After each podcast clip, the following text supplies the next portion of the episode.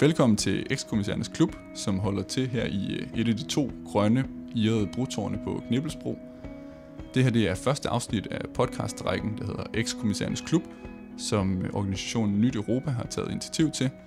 Og i dag så har vi to gæster i klubben, og den ene det er dig, som er eksminister og ekskommissær, Poul Nielsen, og den anden, dig, journalist og forfatter, Knud Vilby. Og velkommen til klubværelset her på Knibbelsbro. Tak skal du have. Tak. I er de første gæster i øh, den her lille klub af tidligere danske ekskommissærer. Og for at introducere dig lidt til lytterne, Paul, så er du øh, socialdemokrat, blev valgt til EU-kommissær for udviklingsbistand i 1999 og sad i Bruxelles indtil 2004. Derudover så har du blandt andet været energiminister i Anker Jørgensens regeringstid, og du har været minister for udviklingsbistand, da Poul Nyrup Rasmussen han var regeringsleder. Og vi har bedt dig til en gæst med i klubben her i dag, og du har valgt journalist og forfatter Knud Vilby. Hvad gjorde, at du har taget øh, Knud med i øh, ekskommissærens klub i dag? Det er, fordi jeg er optaget af kvalitet. Ja. Altså, mange gange tror man, at en diskussion bliver god, hvis man sætter to ekstremer øh, til, så, så sker der i hvert fald noget. Så sker der intet. Så bliver der bare noget gentagelse af faste positioner eller almindelig grøftegravning. Øh, kreativitet og kvalitet i debatten forudsætter, at man ikke bare har viljen, men også evnen til at, at sætte sig ind i, i andres tankegange. Og, og det, det er der for lidt af generelt. Og det er Knud god til at spare. I det vil jeg mene. Altså, vi har jo optrådt en gang imellem, mest i paneler her og der. Mm. Og, øh, og, og der, øh, ja, det har så været i sammenhæng, hvor det blev betragtet som positivt, hvis, hvis nogen sagde noget om noget, de faktisk ved noget om. Og det, det er jo en stor oplevelse at være med til sådan noget.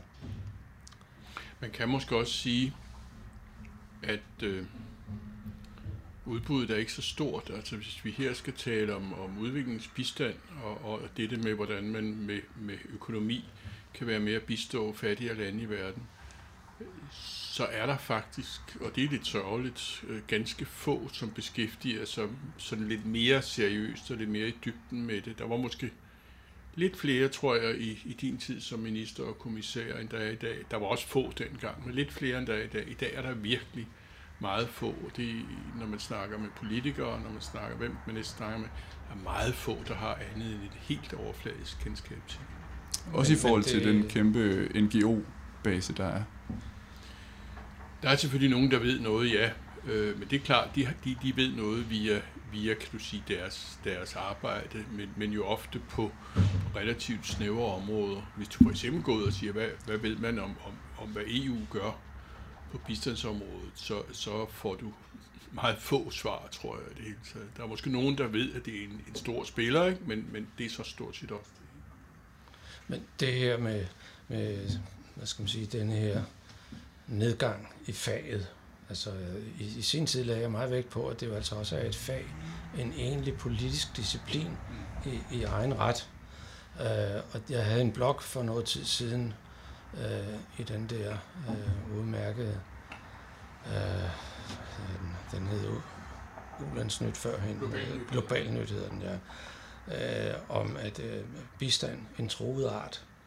Og øh, det skyldes jo altså også, at den drejning og, og nærmest skamløse øh, afspe, øh, hvad skal man sige, afsporing af formålet og ideen med, hvad bistandssamarbejdet skal handle om, der er sket, gør, at så store dele af, af, af midlerne går til andre formål, end dem, det var øh, positivt at tale om. Der er, jo ingen, der, der er jo ingen, der praler af dansk bistand til Afghanistan eller, eller øh, til det såkaldte nærområder. Det gode ved nærområderne er jo, at de ligger så langt væk og er så dårligt defineret, øh, så, men at bistandsmidler i stor grad går til det, og til diverse øh, udgifter i forbindelse med migrationspresset øh, hos os i Danmark. Øh, der er intet af det, der har fortalere. Det er jo meget øh, bemærkelsesværdigt. Så derfor er det en, en, en snævrere gruppe. Øh, og også fordi der på akademisk plan har været ført en form for mærkelig kampagne om, at der er jo stadigvæk fattige i Afrika, altså virker det ikke. Altså det, det, det er, det, der, der er sket noget, som, som gør det svært. I den sammenhæng er det, synes jeg, meget interessant, at EU's bistand og humanitær bistand, ikke bare fordi det er stort, øh, men det er et slags energi svinghjul, som har gjort det muligt at fastholde grundideen i øh, bistand mellem nord og syd, og et, en samarbejdsånd. Det er, øh, det er noget, som er, hvad jeg vil kalde the jewel in the crown, som er nogenlunde bevaret gennem disse øh, omskiftelser. De sidste tal, der, der, der kommer, viser jo, at bistanden generelt øh, går ned. Og det er selv, når man, når man altså accepterer de der mærkelige regnstykker, som mange regeringer laver for at få noget anerkendt som bistand. Men det er jo som, som Paul siger, sådan at man kan sige, man, man starter med at udvikle et bistandsbegreb, og så derefter laver man nogle kriterier for, hvad der kan godkendes som bistand. Og i de her år vender man det så på hovedet. Man har kriterier for, hvad der kan godkendes som bistand, og så siger man i dag, hvordan kan vi definere alt muligt, vi gør, så det falder ind under de der kriterier. Hvad enten det er i virkeligheden sikkerhedspolitik, eller, eller, eller flygtningemodtagelse i de enkelte lande, alle mulige andre ting. Ikke? Og der er det jo rigtigt, nogle af de samme tendenser gør sig gældende for EU's vedkommende, men EU har her forstået positivt en, en træhed og inerti, det vil sige, øh, der skærer man ikke op og ned på samme måde, som man kan gøre i nationale budgetter. Der, der er der et længere, et længere forløb. Ikke? Mm. Det var, det var også positivt, at udvidelsen øh, i fire og, og videre frem jo øh, har haft den konsekvens, at en lang række lande har fået deres tvangsdebut som donorlande og, og ind i et system, som på det tidspunkt var reformeret, skal jeg hilse at sige, i de store træk. Øh, udgangspunktet, da jeg blev kommissær, var, at jeg var nok en af de allerstærkeste kritikere af måden, EU lavede bistand på. Det var gammeldags, ekstremt langsomt, og uden en øh, samlende fast politik. Øh, og øh, det, blev, det blev min store udfordring sådan set, at, at ligesom rydde op i det og modernisere det, og skabe et nyt forhold til, til selve den multilaterale mulighed for samarbejde for EU. Altså det, alt det der var, var, øh, var, var virkelig noget, der var brug for at rippe op i. Og der kom jeg som Mr. 1%, øh, hvor Danmark var blevet rost, berettiget, øh, som en inspiration, både kvantitativt og kvalitativt for altså, vores bistand. Du afbryder det, fordi Mr. 1% skal du lige fortælle. Det betyder altså, at vi var et af de få lande, vi var det eneste ja, på det tidspunkt, ja. der giver 1% af bruttonationalproduktet i bistand om året. Ja, til rigtig bistand. Altså, vi var bange for at, at få et tilbageslag, hvis vi også indregnede de penge, vi ud over det her brugte til miljø, øh, bistand her og der i verden. Nå, men det er så det. Altså, men pointen var, at, at der blev skabt noget, som førte, øh, som ligesom normaliserede EU's bistand, og som også gav den afgørende vægt på, at det skulle laves i samarbejde med modtagerlandene, og ikke sådan stykvist et projekt her og der. Men der var mange ting at rydde op i. Altså, for jeg kan for eksempel huske et, et projekt, øh, med noget bistand til Kina, som handlede om øh, uddannelse. Øh, det, var, det var godt nok. Men der lå det her bjerg af ikke øh, gennemførte øh, forpligtelser. Øh, et bjerg, det, det måtte der ryddes op i. Øh, så jeg gravede mig ned i, hvad det der projekt egentlig, egentlig gik ud på. Altså. Øh, og det viste sig, at det handlede om uddannelse af piloter til at kunne betjene øh, Airbus-fly. Altså regulær, øh, selektiv øh, eksportfremme støtte. Øh, så altså, det, det, blev, det blev skrottet øh, eksempelvis. Altså der var et kæmpe oprydningsarbejde. Netterne, netterne blev brugt. Så den tid, hvor du så skulle ned, altså du gik fra at være minister for udviklingsbistand ja. i Danmark, til så skulle være udviklingskommissær i EU.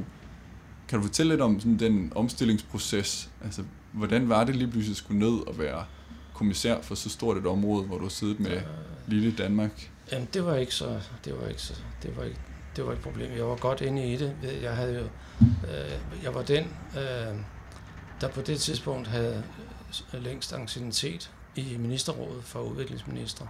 Det blev øvrigt afskaffet under dansk formandskab, øh, desværre.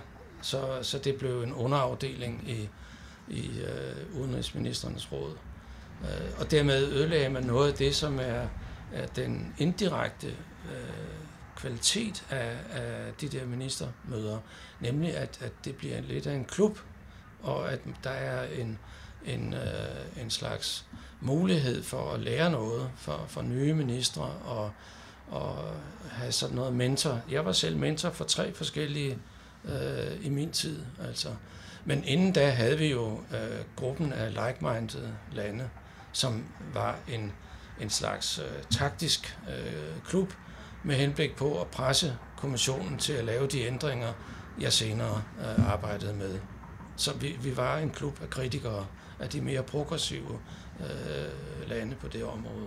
Som allerede havde lagt en, øh, Nå, en stram ja. kurs over for øh, ja, kommissionen. kommissionen. på det. Ja. Og så kom du selv ind som kommissær ja, og skulle og så stå skulle jeg så til regningen. levere varen. Ja. Okay. Og hvordan, hvordan var det at flytte til Bruxelles og skulle, øh, skulle flytte hele familien derned? Og ja, nu var det vi var jo begge to øh, altså frie i den forstand. Vi har tre børnebørn og otte børnebørn, men, men øh, vi var os selv, min kone og jeg, og jeg var da glad for, at hun godt ville med derned.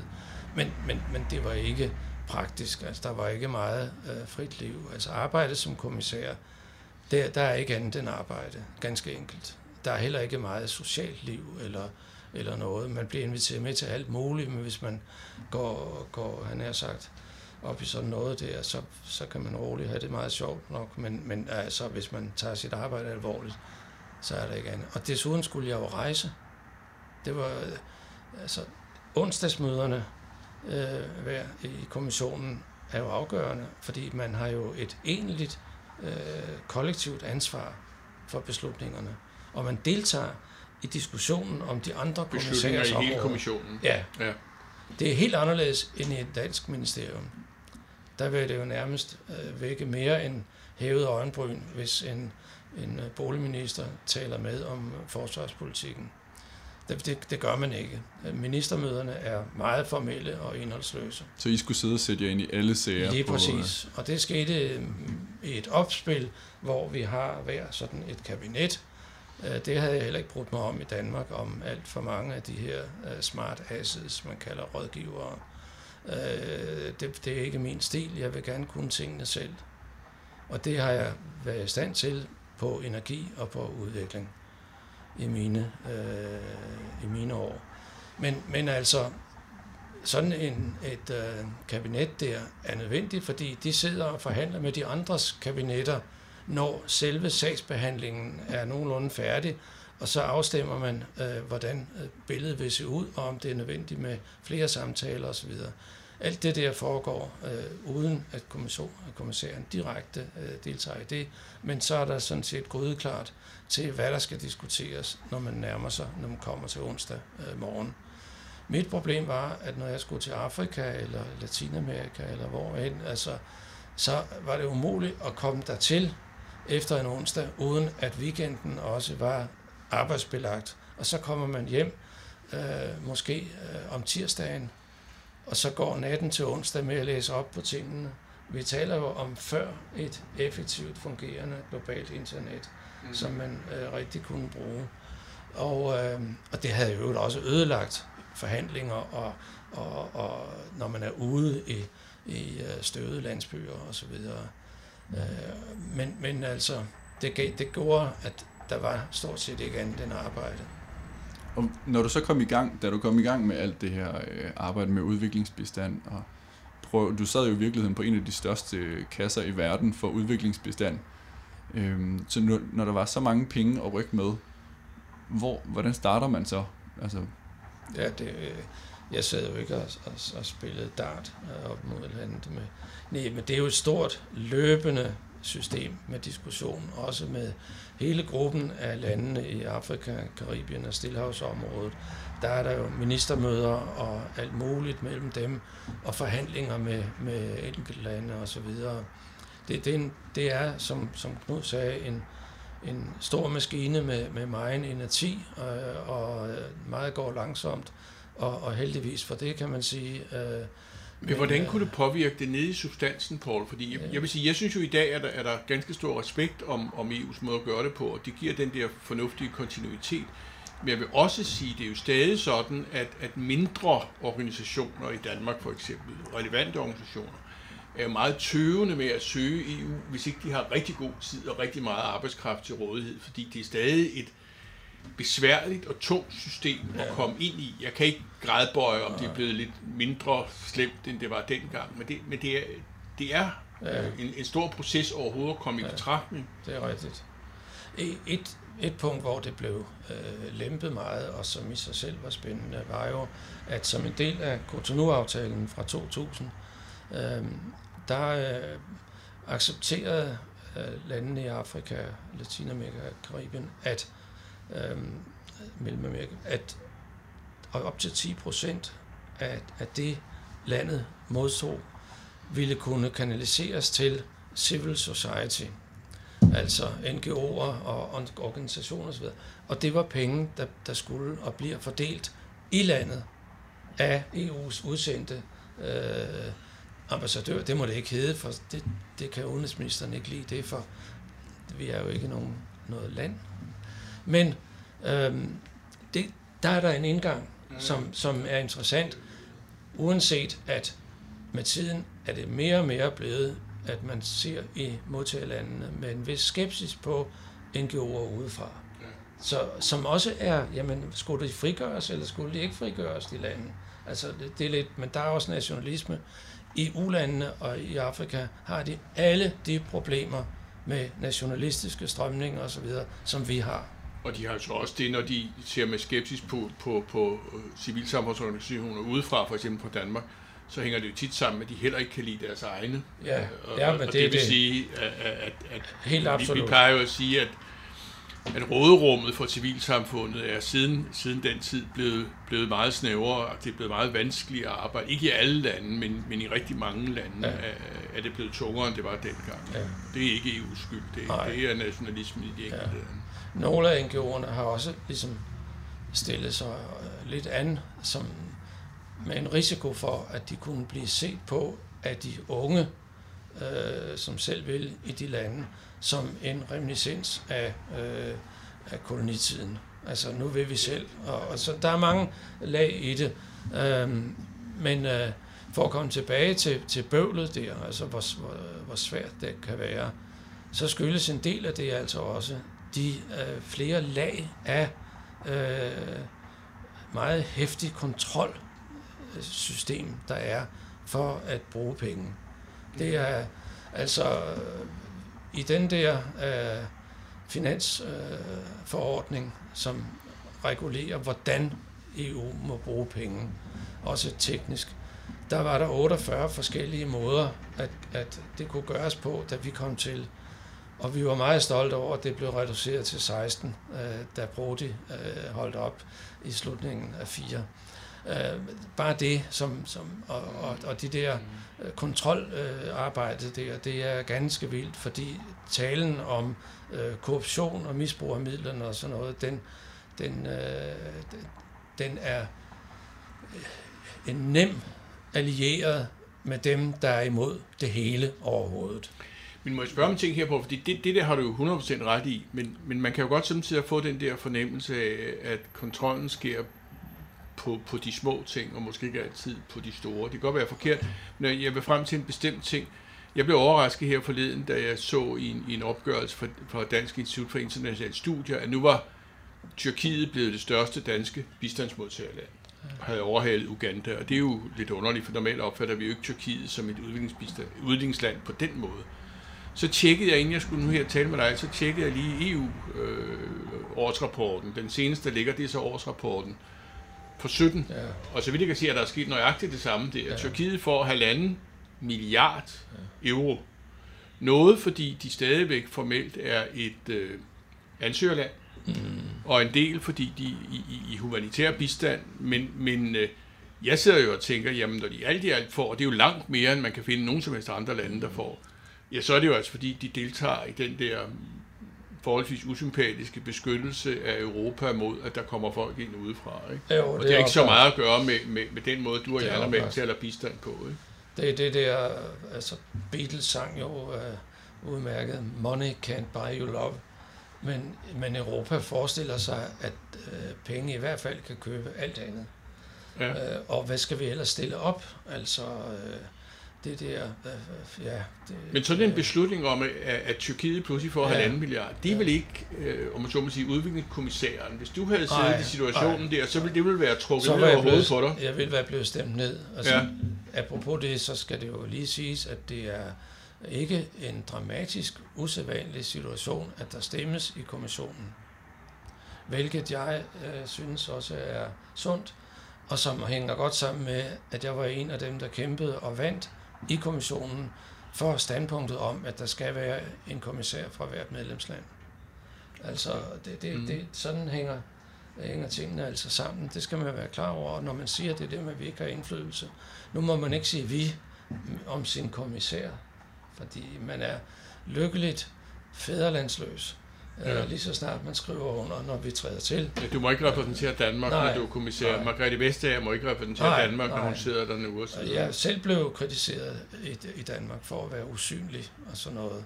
Nu var der i første omgang ikke så mange, der interesserede sig for udviklingspolitik, men der var slet ikke nogen, der interesserede sig for det, jeg lavede dernede. Det var meget lidt.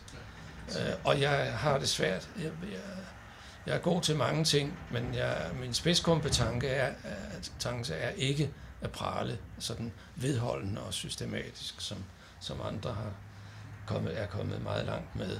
Men så, så, så det, det lå ikke til mig. Jeg arbejdede. Øh, og, øh, men jeg sagde, at øh, jeg er ikke, jeg er ikke øh, bydreng for Danmark, men jeg vil godt være øh, vejviser.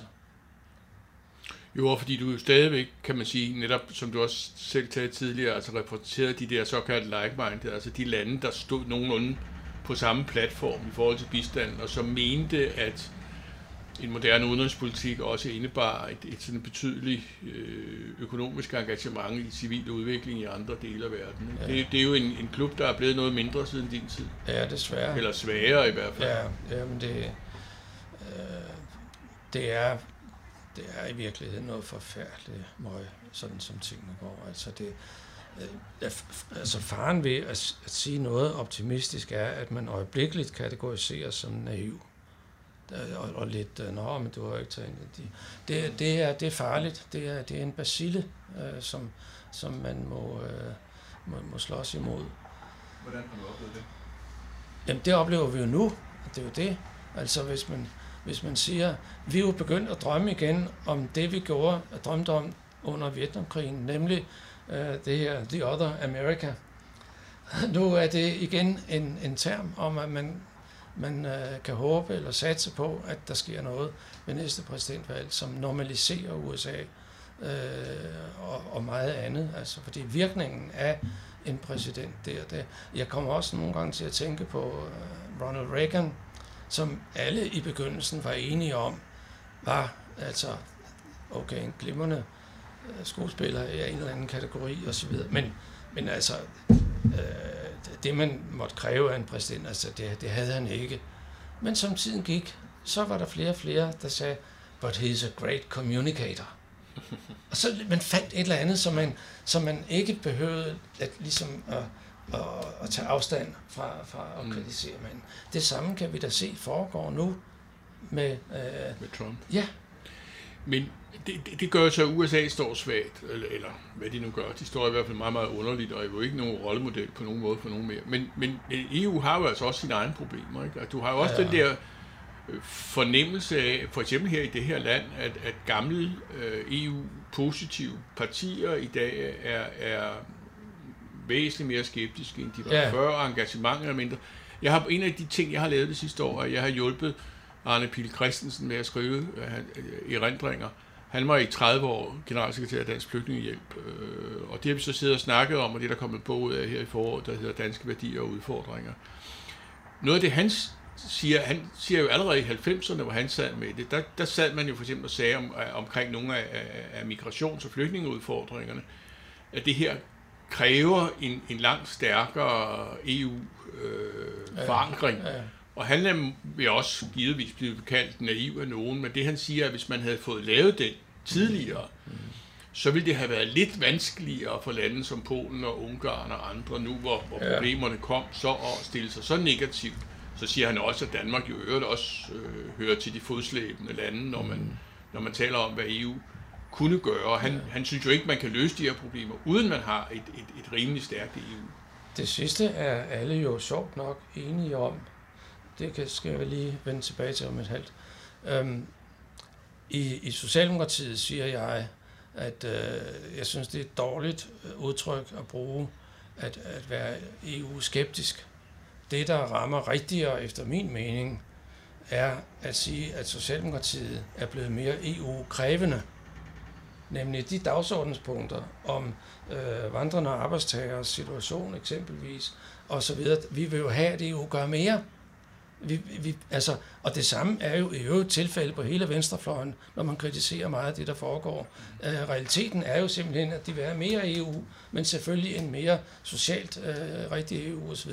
Her står vi selvfølgelig så med problemet med, at jo mere vi vil have lavet af den slags, jo mere giver vi øh, næring til en reduceret forståelse og respekt for det, vi kalder den nordiske model. Men Socialdemokraterne, undskyld, ja. Socialdemokratiet siger jo altså også, at hvis det handler om flygtninge og kvoter og ja. de der ting, så skal EU blande sig totalt udenom. Der jo. accepterer man ikke en eller anden form for fælles europæisk ansvar.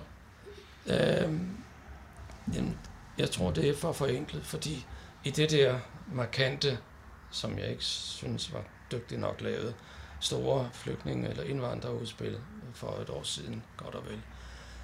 Der står der i øvrigt øh, på side 12, alt det her kan vi selv gennemføre. Det er jo fuldstændig hen i vejret. Mm. Men, men det er så det. Uh, det er jo en gigantisk betalingsring at bede om, vil jeg sige sådan. Men det er så det. Men uh, de her uh, lejre, som skal administreres, hvis ikke af Danmark, så måske af EU, måske af FN, hvor man skal have sagsbehandlet ansøgere ude omkring i verden.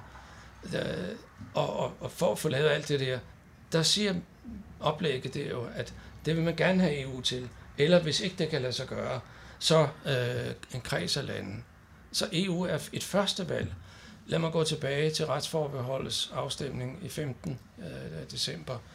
Altså, både statsministeren og øh, Socialdemokratiet sagde dengang, at øh, for at vi øh, går ind med noget, så skal der være en fælles aftale om fordeling mm. i Europa.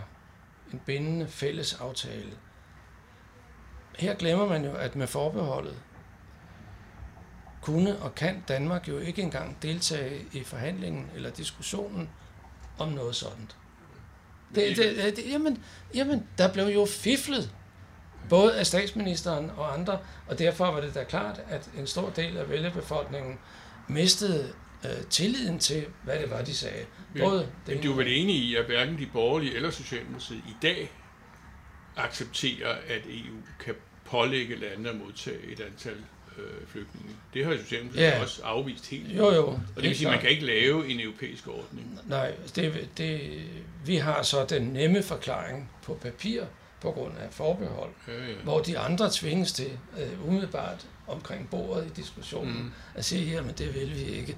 Ja. Uh, og det kan vi så stå og se på og sige, og det er jo blevet sagt, også af, af Lars Løkke Rasmussen, ja. lige for nylig, at det er for dårligt, at de ikke kan enes. Jeg mener... De ikke kan, ja, ja. Ja, ja, ja. det er lige den formulering.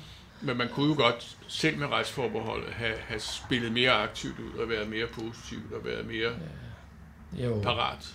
Der, man kunne have gjort mange ting, men altså, det, vi lever som om de der forbehold ikke Øh, Jamen, jeg enig, og det, men det er en, jeg prøver bare at sige, det er også lidt teknikalitet i det, fordi hvis vi igen vender tilbage til, til, til din tid, som også i nogen grad var min tid på et, et, et andet sted, så kan man sige, at dengang var der en optagethed af, at, vi kan noget i verden. Ja. Og det vil vi gerne være med til, og der var respekt om os. Og når jeg siger os her, mener jeg sådan set både Danmark og EU.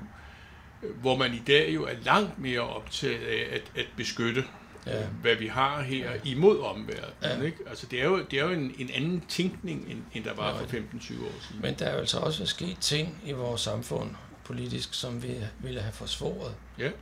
Altså, øh, også i Socialdemokratiet. Det sidste, ja. Øh, ja. Lad os nu se. Um, er der nogle af de ting, som, øh, som du gjorde dengang, og som du satte i gang som kommissær, som du kan se stadig har en effekt på, øh, okay. på øh, okay. udviklingsbistanden i dag? Og, øh, altså Cotonou-aftalen med, med dens handelsaspekter øh, aspekter, øh, løftede jo øh, Afrika, øh, hvis vi siger det kort, ind i øh, det, der fungerer, når det fungerer i øh, det globale øh, handelspolitik, uden hvilket de havde været øh, stillet meget, meget dårligt. Øh, de, de er jo stadigvæk svage over for multinationale giganter, men hvor skal de lære at, at håndtere disse store globale firmaer? De kan da ikke lære det her i hvert fald.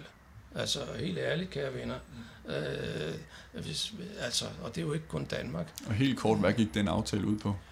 At skabe øh, regionalt baserede, øh, integrerede, åbne økonomier.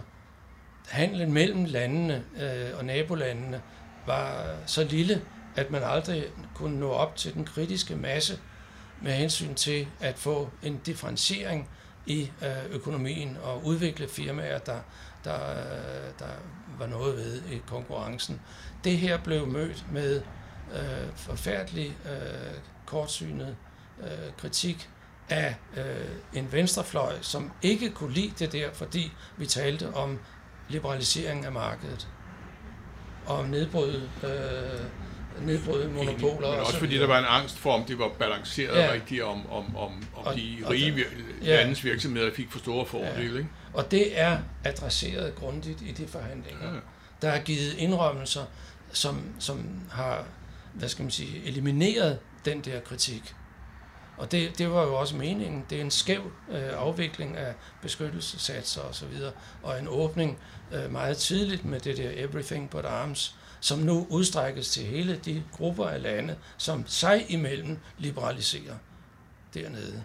Altså det, det, hele den der tankegang var meget stor og meget krævende, og, og øh, det, det var det virker, og det har taget alt for lang tid. Det tager rigtig lang tid, også længe efter din tid, men Absolut. altså med videreudvikling ja. af det, men det er rigtigt. Men, men, men det er der, altså. Ja, ja. Man kan sige om, at det er da rart at kunne se, selv så mange år efter, det, men, men, men jeg var da også frustreret over, øh, der var en, en uheldig alliance mellem fortalere for øh, statsmonopoler og, og meget konservative øh, politikere i Afrikas lande, og meget udmærkede øh, kritikere som Sten Folke i Danmark, eller, mm. eller lignende ja, universitet, ja. ja, universitetsfolk, som simpelthen så det som et led i den der antiglobaliseringskampagne. Altså, så der var en periode på måske 5, næsten 10 år, hvor man slæbte rundt på et handicap i forhold til, hvad sagen faktisk var forhandlet til at handle om. Man kan sige, det var, det var måske også vigtigt, at der skete nogle ting i de år, hvor, hvor EU stadig var en, en stormagt i Afrika. Jeg, jeg siger det, fordi her for tre år siden var jeg ude og drikke kaffe med, med en, en, en gammel bistandskollega fra Kenya. Hun er nu midt i 60'erne, og da vi sad og snakkede, jeg sagde, hvad laver du? Og så sagde hun, jamen en af de vigtige ting for hende var, at hun var begyndt at lære kinesisk. Og så sagde hun, nu var hun jo altså øh, gammel eller halvgammel, men alle de unge i Kenya lærer kinesisk nu. Og det siger jeg, fordi du, du har jo altså, når hun beskriver den, den akt, og hun rejser meget rundt i Afrika, arbejder rundt på forskellige steder, så siger hun, alt stort set, der har med infrastruktur at gøre. Ja. Øh, det, det er Kina, og de er massivt til stede alle vejen, og det betyder, at unge, som har mulighed for det, de har selvfølgelig lært engelsk allerede, men, men de lærer så kinesisk, fordi det er der mulighederne er. Nu skal man ikke gøre det sort-hvidt, fordi selvfølgelig er EU stadig en, en, en betydelig faktor, men, men, men det er klart, at hvis vi ser på de der øh, cirka 20 år, der er gået, så er der jo sket en, en, en meget vigtig ting, hvor EU dengang ligesom var Afrikas stormagt. Man taler om Latinamerika havde USA, ikke? og Japan havde noget, i hvert fald dele af Asien, senere kom Kina med. Ikke? Men, men, men Afrika, det tilhørte i gåseegne, sådan bistands- og samarbejdsmæssigt Europa. Ikke? Ja. Der er Kina jo rykket ind utrolig massivt. Ikke? Og, og, og det, det er der nogle afrikanske regeringer, der, der, der måske med rette synes er spændende, fordi det giver et alternativ, det giver nogen at forhandle med, det, det giver nogen at spille ud mod hinanden, og det er jo altid godt kun, ja. at kunne forhandle med mere end en. Ikke? Men, men det er jo en anden situation end for 20 år siden. Er det i virkeligheden noget af det, der gør, at måske nogen i Socialdemokratiet, men også Martin Lidegaard, øh, var ude i altinget her for et par dage siden og sige, at vi skal investere mere i Afrika. Altså mm. EU skal gå ud og lave, lave en Marshallplan for ja. Afrika. Ja. Tyskland har jo sagt det for, for flere år siden, ikke? og Lars Lykke, der var i gang med de store nedskæringer i bistanden, sagde jo øvrigt, at det ville ikke gå ud over Afrika. Det holdt ikke en meter, altså, fordi Afrika er jo beskåret voldsomt i dansk bistand. Ikke? Det er jo den anden del af det. Altså, vi sidder og snakker bistand, som om det var noget særligt, men man kan sige, at vi har et, et beskåret bistandsbudget. Inden for de der beskårende ting, så går en stor del øh, til en, en form for europæisk dansk sikkerhedspolitik. Altså, hvad kan, vi, hvad kan vi putte ind i de kasser, som handler om at beskytte Danmark og Europa? Tidligere gik en voldsomt stor del til flygtningemodtagelse i Danmark. Så altså af et beskåret budget går en, en, en stigende del til alt muligt andre ting end traditionel bistand. Og det vil sige, når man så også gerne vil hjælpe de der nærområder, man taler om hele tiden, når man skal give mere humanitær bistand, så er der meget lidt reelt tilbage til det, som er den traditionelle, langsigtede, udviklingsorienterede bistand, som, som gives i samarbejde med regeringer og organisationer i fredelige lande. Ikke? Og det skal være langsigtet. Og ja. det er det, der politisk altid er svært, medmindre man er fælles om at være glad for det i, i donorlandet. Altså alt det der med at få opmærksomhed og, og ros og så videre, det er knyttet til sådan øh, øh, begivenheder og, og ting. Det andet er, er langt. Altså, det har været en, en sjælden øh, rigtig bemærkning at sige om, om det, jeg kalder god bistand, som er samarbejdsrelateret øh, og med ejerskab i orden hos modtageren osv. At, at sige more of the same er for en gang skyld meningsfuldt. Og, og, og, men det er jo kedeligt, ikke? Der, der er jo ikke, der er jo ikke øh, jazz nok i det, altså. Så, og det er derfor, at øh, øh oplysning og, og, og så videre, det, det, der var en, en øh, i Global Nyt en øh, glimrende analyse af fattigdommen øh, og hvorfor, hvorfor det faktisk ikke lader sig gøre at, at gøre ligheden øh, bedre og uligheden mindre, med mindre der er tale om øh, noget offentligt baseret social øh, ydelse øh, element i det. Og det kommer jo ikke fra øh, Gates Foundation eller fra, øh, fra øh, altså, projektrelaterede øh, ting og så videre. Det skal i dybt samarbejde, også med budgetstøtte og så videre, når der er tillid til det, for at, at, øh, at de fattigste kommer, kommer op. Ellers så er vejen gennem øh, øh, den uformelle økonomi frem til noget, som, som, som reducerer fattigdommen, den er jo øh, udsigtsløs. En vigtig ting, som jeg også tror, det er gået ud over de senere år, er jo, at, at, at udviklingsbistand for eksempel også har været benyttet til at opbygge bedre skattesystemer. Nu er det svært at snakke om effektive skattesystemer, når man bor i Danmark lige nu, hvor skattesystemet stort set er brudt, brudt sammen. Ikke? Men det har dog i mange år fungeret rimelig godt. Ikke? Og man må sige, hvis man går ind og ser på, på afrikanske landes økonomi, så får staterne i dag en større del af deres samlede indtægter via skatteindtægter. Det er både moms og indkomstskatter. Der er stadig meget at hente, men, men det er langt bedre, end det var for, for nogle år siden. Ikke? Og, og det er bestemt ikke Danmarks fortjeneste alene, men Danmark har med bistand været med til at bistå dem til at lave ordentlige skattesystemer. Ikke? Det er et meget godt eksempel på noget, som virkelig skal være langsigtet, ikke? Øh, men som også har en utrolig betydning, også for selvværdet i et land. Det er klart, det spiller en, en, meget stor rolle for en regering, øh, om den, om den om man så må sige, selv tjener de fleste af sine indtægter, eller den er alene, eller næsten alene afhængig af, af forskellige former for, for bistand og, og ydelser udefra. Og jo mere der kommer ind som skat, jo mere dagslys er der over indtægterne til staten mm. i forhold til så mange andre mærkelige øh, måder.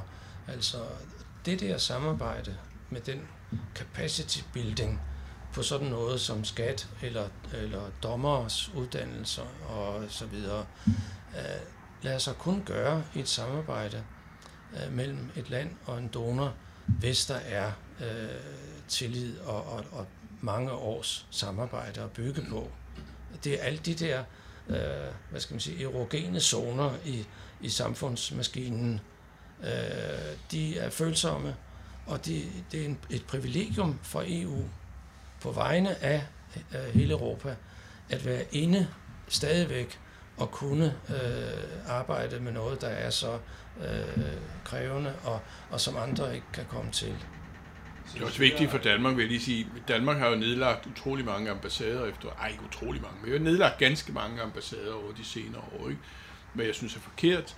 Men så bliver det jo i hvert fald vigtigt, at man har en EU-delegation øh, i landene, så der er en, no, nogle, nogle kanaler ind i, i systemerne. Det er i alle lande, som også har stor betydning i forbindelse med, hvordan man kan gøre noget nyttigt ved, øh, ved konfliktsituationer regionalt osv.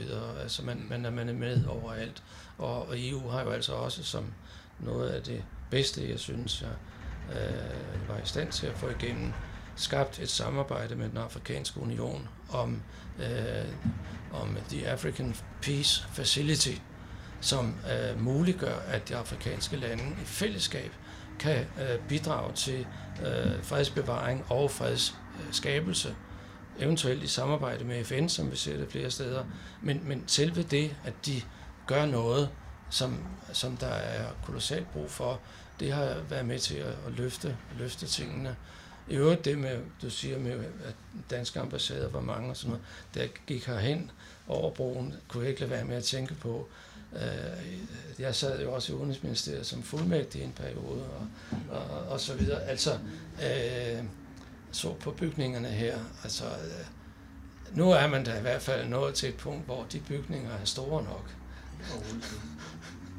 Så lidt her på falderæbet, hvis vi skal se fremad de næste øh, 10 år inden 2030, så øh, er der et FN-verdensmål om, at der ikke skal være mere fattigdom i verden lidt opsummerende, hvordan når vi derhen af?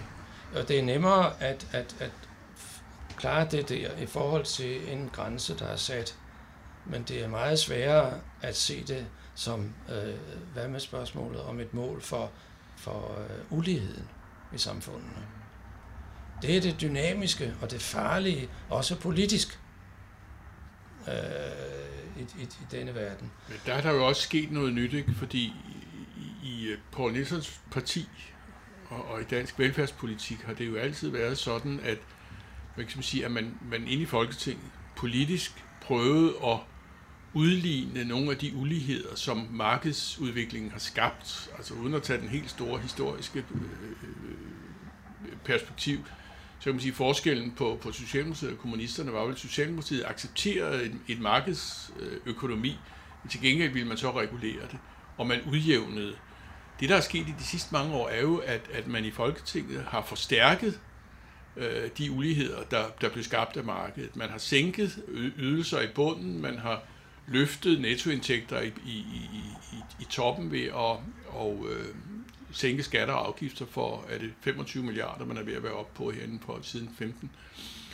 Og det er jo interessant, fordi når, når du, du nævner altså bæredygtighedsmålene, så kan man tage uligheden, som jeg er enig i er meget vigtig, men også tage klimamålet, tage en række af de andre mål. Øh, for et rigt land som Danmark er man jo nødt til at sige, de nås jo kun, hvis man er parat til at lade en større del af den samlede økonomi gå via nogle fælles kanaler til at understøtte de her ting. De fælles kanaler behøver ikke altid at være det offentlige, men, men ofte er det jo det offentlige. Så logikken er jo, at når vi er meget rige, så skal vi bruge en større andel af vores økonomi til at løse nogle af de her problemer herhjemme og ude i verden. Og der kan det stadig Men vi gør det modsat. at EU som ja, ja. en, øh, som Men vi gør det modsatte. Vi reducerer øh, på de der områder. Ja, det giver i, i høj grad, altså uden EU, uden FN, uden de der store internationale organisationer, øh, vil det være næsten helt perspektivløst. Ja, sådan er det. Så, øh, derfor skal vi altså, altså nu jeg håber da på, at og jeg føler da også, at Socialdemokratiet er ved at, at genfinde sin øh, egen form.